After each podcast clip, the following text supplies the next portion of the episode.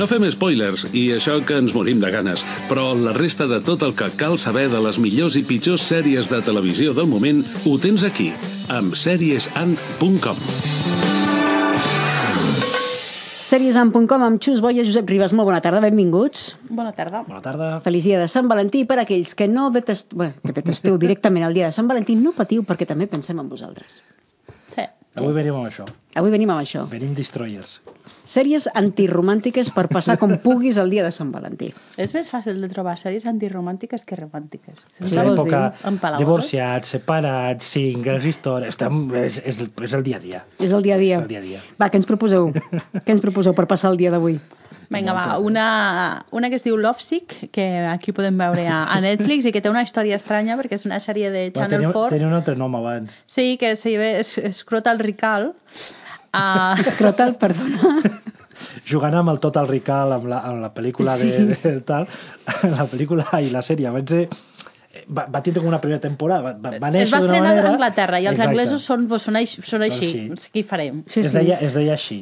Llavors, quan Netflix, quan la va comprar Netflix va dir eh, lo del nom va igual, ser que no. Igual ho canvia. Vale, mira, lo de la història, mira, us ho passem perquè sou anglesos, però lo del nom, no. bueno, no. La història també té xitxa, eh? Sí? Sí. De què va, de què va? Que és... Eh, bueno, és un noi que li diagnostiquen clamídia um, i decideix doncs, revisitar totes aquestes um, encontres que ha tingut al llarg de la seva vida. Estem doncs, parlant d'una malaltia de transmissió sexual, eh? Ho Totalment. dic, no, no, ho dic perquè s'ha despistat. Uh, I el que fem doncs, és una mica de viatge en el temps, no? anem saltant a cada episodi, perquè cada episodi doncs, el que veiem doncs, és la història amb aquesta noia i bueno, aquesta possible... té, té que contactar amb ells per informar també de "Oh, hola, què tal? Eh, Sí. Tinc clamídia i potser tu pues, has enganxat algú. Mm. O m'ho has enganxat, vull haver-hi, no? I llavors van revisitar tot el tema aquest i és un humor molt british d'aquest sentit i és una sèrie una miqueta destroyer que funciona molt bé a Netflix. Sí, uh, ja tenim tres temporades, confirmada una quarta, uh, i evidentment pues, són molt britànics ells, pues, ja us els podeu imaginar, és una Sí, mica com uns els Hello Ladies, pues, sí, sí, pues, sí, jo sí, és que sí, són mica. així. Molt destroyers, ja, començant pel nom, menys mal que després els hi van canviar, pobrets. Va, hi ha moltes, eh, aquestes, de sèries. O sigui que és una sèrie romàntica, però vaja, no gaire. Bueno, Escrotal... Recall. Recall. Love sick, per, pels amics. Sí. Molt bé. Primera de les sèries, per aquells que estiguin molt enamorats... No, no, a veure, i per la gent que sigui molt catalanista també és una bona cosa, perquè Sant Valentí és pels renegats. sí, Saps què vull Sant dir? Jordi, Sant Jordi. O sigui que els que avui no vulgueu parlar d'enamorats, no perquè no estigueu enamorats, sinó perquè celebreu només Sant Jordi, tenim altres sèries que estan encaminades a això, a ser el dia mm. antiromàntic. Uh, una altra que és una, també és uh, britànica i en aquest cas es diu Catastrophe, és de Movistar Plus i aquí el que ens trobem és una um, senyora molt britànica i un senyor molt americà doncs que una nit tenen una nit boja i ella es queda embarassada Mm -hmm. i llavors que decideixen? Que el millor és que el senyor uh, deixi Estats Units i es trasladi a Sí. Anglaterra i aquest criïn... nen, sí, aquest nen que no, això té que tirar endavant, aquesta història té Clar. que tirar endavant. Per què no? Perquè si no, no tindríem sèrie. Ah, això sí, També clar. la sí. cosa. S'ha de mirar, s'ha de mirar des d'aquest punt de vista. Uh, bueno, algun, un dels punts curiosos d'aquesta sèrie doncs, uh, tenim uh, l'última interpretació, la, una, la una de les últimes escenes que va gra gravar la Carrie Fisher, que apareix com a estrella invitada en algun dels episodis. També ha estat eh, renovada per una quarta temporada i en tenim disponibles tres. Una altra vegada, una sèrie britànica, com els britànics saben fer amb humor, no? amb aquesta circumstància de, de dues persones doncs, que no es coneixen de res i que ara estan lligats per tota la vida. Ves? Coses que passen. També podem parlar de Younger, per exemple. Sí. Que, bueno, té, de, eh, ve de, de la mà dels creadors de Sexo en Nova York, de Darren Star, ¿vale? I, bueno, eh, el concepte també és una miqueta així. És una dona de 40 anys, bueno, que no té feina, tal, i, i llavors l'única manera que té, o que veu ella, de poder tornar a la vida laboral, Sí. és fer-se passar per una ventanyera. I es fa becària. Es fa becària. Es fa Amb quants becària. anys dius? Amb 40... Eh? Em sona, aquesta sèrie és antiga per això, no? Bueno, Bueno, que ja té... que, Sí, que sí. s'ha estrenat, però bueno, a veure, no portem sèries noves perquè No, no, ara, no, avui no, no. s'han estrenat No, 25 no, no, no, sèries no. romàntiques. Però que em sonava, que em sonava, que era una vegada doncs és, és una sèrie que s'ha vist a TNT, eh, que també té quatre temporades, i el que veiem, doncs, aquesta senyora doncs, que decideix mm, enganyar tothom tenint 20 anys, resulta que li funciona molt bé. Al principi té que tirar endavant I com clar, després sí. ha de manejar doncs, aquesta vida dels 40, fent veure que en té 20, inclús ha fet un nòvio i es pensa que té 20 anys. Ostres, Clar. però això, està, això va molt bé pel subidon del... Sí, però clar, després ho has de mantenir, saps? Clar. No, no és avui, saps? I demà m'aixeco... No, I juguen pues, molt amb això, difícil. la visió d'una persona ja més, més adulteta d'onces, que està ficada en un món que no és el seu, i com es lia la troca, i bueno... Déu-n'hi-do, déu-n'hi-do, aquí. que difícil, que difícil, bueno. tornar a l'adolescència. Exacte. I després una que és una mica boja, eh, que es diu Cra- Crazy Ex-Girlfriend, és una, o sigui, és, és una nada d'olla total. Eh, són episodis de 40 minuts i els podem veure a, a Netflix. Mm. I aquí estem parlant d'una advocada eh, bastant exitosa de Nova York que decideix anar-se'n a un poble perdut de l'Amèrica profunda mm. a perseguir el seu amor de l'institut. Ah. Vale? El seu amor de l'institut passa olímpicament d'aquesta noia. uh, ha d'anar a treballar a un bufet supercutre. Ella era una gran triomfadora a Nova York i de sobte decideix, doncs això, eh, mudar-se al cul del món. I la nota curiosa d'aquesta sèrie és que, a més a més, és un musical. Mm. O sigui que de tant en tant ella canta. Intercalen, sí. Vale? Penseu que la sèrie així potser no es llame, però és una sèrie que en la seva primera temporada va estar nominada a alguns premis, inclús eh, l'actriu protagonista, que és la creadora i la ideadora de tot això, la Rachel Bloom, doncs va estar nominada pel seu paper. Vale? Molt bé, sí, Curiosa, com a mínim, sí. sí. Molt bé. Jo des que vaig veure la llamada ja qualsevol cosa. per això, que tira, tira. Després tenim també una que, que sí que has vist tu, per exemple, que Ah. és The End of Fucking World, Ah, sí, que sí. és, podem dir que és també, com a relació i com a tal... És, Sí, és antiromàntica. És, ro- romàntica antiromàntica. Sí. És un concepte una miqueta... Sí, és un altre tipus de relació. Exacte. Tornem a una sèrie de Channel 4 que Sí. passa a Netflix. O sigui, Channel 4 és una de les... Sí. O sigui, Dels subministradores. Sí, els, eh, els programadors de Channel 4 són uns romàntics, antiromàntics total, perquè mm. tot el que posen són comèdies d'aquest tipus, i aquí el que tenim són uh, dos adolescents eh, que un ha decidit ser un psicòpata i assassí en sèrie i l'altre simplement es vol fugar. I llavors, pues, una espècie de road movie que, bueno, acaba com que va acabant, al principi, en teoria, al principi sembla que ell la vol matar amb ella i allò va, pues, bueno, va evolucionant, no? I, Sí. I del que us hem dit ara no té res a veure. és, és, això és el que et venen al tràiler, jo, jo vaig anar a veure pensant que anava a mirar una cosa... Jo et la vaig sèrie avisar, eh? Jo et vaig avisar, dic, no és lo que I la parece. sèrie no tenia absolutament res a veure amb això. I la recomanem, és molt curteta, és per fer una mini marató, Sí. perquè són episodis de 20 minutets amb, un, ràpids. amb un cap de setmana te la ventiles. Bueno, i en, eh, la, la pròpia sèrie en si són 8 episodis mm. a 20 minutets, són dos tres horetes, Sí, vull sí. dir, una pel·li llarga de, de segons què eh, dura més que, que la sèrie.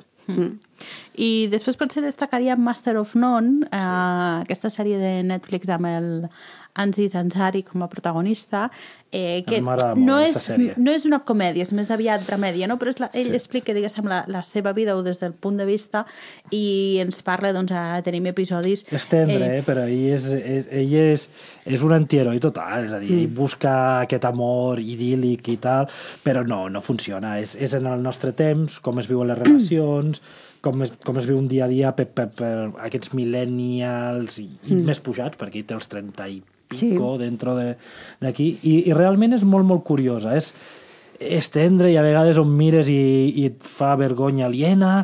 Ja, és una situació, és, és molt especial. És una dramèdia i com a producte és molt, molt diferent. Per exemple, a mi m'agrada molt. I, i Xus va intentar i no, no, va, no va captar per... I, No, i Aquí és, fem la mitjana, eh? Quan, quan Sí. els agrada als dos, aleshores segur que és imperdible. Si és, no, és ja... especial, eh? Sí que és, la veritat és que la crítica la, la, la fica molt, molt per núvols mm. i realment és tens que agafar el to. A mi em va costar un parell d'episodis començar a entrar dintre de la sèrie, mm. però realment és una sèrie que m'agrada moltíssim. Que guai. I que intenten sempre... Hi han la forma de la pròpia sèrie, de com et volen explicar aquestes històries, mm -hmm. serveix realment perquè la en sèrie que està en tot, està de producció, està de bar, està darrere les no càmeres... Sí, i intenta molt de jugar. Per exemple, a l'inici de la segona és tot una mena d'homenatge a, a les pel·lícules eh, de, de, dels anys 60 italianes, en blanc i negre, i juguen i fan, i, i és, és un concepte i va, i va provant coses i, i no saps ben bé com et situes, però vas, et, et deixa anar, saps? Et va agafant, et va agafant, i és especial, és un producte molt especial. Sí, sí, bueno. Molt bé, anem prenent nota. I potser ja l'última recomanada d'avui en aquesta secció. Uh, parlem de Black Mirror, que així d'entrada ens direu, home, comèdia, comèdia, va ser que no. I no, és veritat que no. Però hi ha dos episodis que estan eh, que són molt romàntics o antiromàntics, no? Per exemple, hi ha un episodi de la temporada passada que va ser un dels que més es recorden pels fans, que és el eh, San Junipero, que en aquest cas doncs, eh, continuem, seguim la història de dues dones doncs, que superen, superen una mica tenen una història d'amor més enllà Sí. del temps i del del, pla, i del pla físic. No us podem explicar més perquè si no heu vist l'episodi Us xamparíem tot, l'episodi, però, ui, ui. però és una història molt, molt, molt xula. I en aquesta última temporada hem tingut un altre que és eh, Hank the DJ, doncs, eh, en el que seguim la història d'uns personatges doncs, eh, que intenten trobar parella a través d'una aplicació que a part de donar-te una parella, o sigui, una, una Sí, espècie igual de... que de- existeix ara, et doncs diu et també diu quan també duraràs. quant temps duraràs. Sí, I les implicacions. És a dir, si tu eh, agafessis qualsevol programa d'aquest tipus aquí, un Tinder, un tal, un Dayonser, però ja veus, ei, que duraràs 3 dies, o duraràs 14 anys, o duraràs tal, Mm. què faries? O tal, Dayonser, i té implicacions. Molt bé. O no. O no. O ja teniu Bueno, que és veure- Black Mirror, Sí, és sempre Black li Mirror, poden donar la volta donar 30 recargolada. voltes. En qualsevol cas, teniu opcions per no haver de passar un dia de Sant Valentí ensucrat si no voleu. Eh? No. Si no voleu. Continuem parlant i continuem parlant d'assassinats. Sí, uh, parlem d'aquesta segona temporada d'American Crime Story, el que explica la història de, de l'assassinat de Gianni Versace, que als Estats Units doncs, la cosa semblaria ser que s'està desunflant una mica i que tampoc ha anat massa massa bé, No. eh, per diversos motius. També és veritat que la història de la primera temporada, que era la història del, del cas de O.J. Simpson, dintre de lo que és eh, la cultura popular americana, és un cas molt més interessant que no sí. pas l'assassinat de Gianni sí. Versace. I que Eh, parlaven que potser s'havien basat més en coses que eren el menys interessant. El que la gent voldria haver vist mm. més és la vida de, dels Versace. Sí, eh, elles. també és veritat que el El Ryan... salseo, el salseo. Mm. El Ryan Murphy s'ha basat en, en realment en seguir a l'Andrew Cunanan, que és l'assassí, i els, eh, els motius que el van portar fins a l'assassinat i els dies posteriors fins que el van bueno, fins que es va suïcidar davant de la, perseguit per l'FBI, eh, i no en la vida de, de la família Versace. També és veritat que la part que es base a la família Versace ho fa sobre una autografia no autoritzada, que els, Clar. que els Versace sempre han dit Que que, és no tot fals, que no correspon, etc.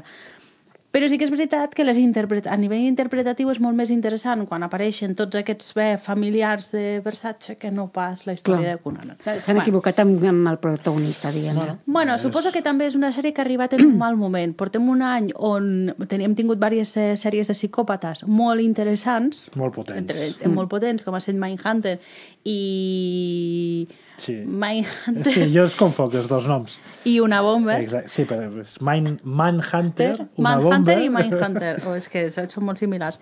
I clar, m'ha arribat aquesta tercera sèrie, que ha vingut just la tercera, i potser és la que té aquest um, assassí menys interessant. Eh, el cas és que, bueno, als Estats Units no està acabant de funcionar aquesta sèrie, a veure, eh, segurament també s'ha estrenat massa aviat pel tema premis, perquè tot just acabem de tenir les entregues de premis i aquesta sèrie no entraria fins als de l'any vinent. Uh -huh. eh, però el curiós és que aquí a Espanya, que en teoria, o aquí, que els han poder, poder veure a, a través de Netflix en quan acabi la seva emissió a FX als Estats Units, Sí. eh, A3 Media eh, n'ha comprat els drets per emitir-ho en obert, no sabem si encara si Antena 3 o a la Sexta, i el que no sabem tampoc és si abans de que ho faci Netflix o després de que ho faci Netflix.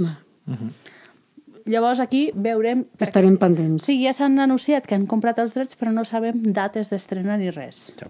Vale? Però o sigui, una sèrie que als Estats Units no acaba de funcionar i que aquí semblaria ser que tots hi van darrere. Mm. Bueno, el fet de que hi hagi la Penélope Cruz de protagonista suposo que tira molt. Sí, home, sí, la És més fàcil que... vendre-la, sí, aquí. Sí. Molt bé. Més coses, va. Eh, més cosetes. Una sèrie que s'estrenava aquesta setmana. Pedazo de sèrie. ala, ala, tira. A veure, eh, no sé si vau anar al cine o, o l'heu vist d'alguna altra forma sense gastar-vos molts diners, una sèrie que es deia Cuerpo de Élite. Sí, i tant. Sí, boníssima, eh? Doncs bé, n'han fet la, la, la sèrie perquè va triomfar molt als cinemes. Sí. Sí. Vale? És jo l'he vist i eh, menys mal que va arribar al final. Va, perquè no podia més. amb la pel·lícula. Jo no vaig a poder acabar, de... vaig intentar-lo i no, hòstia, m'avorria moltíssim.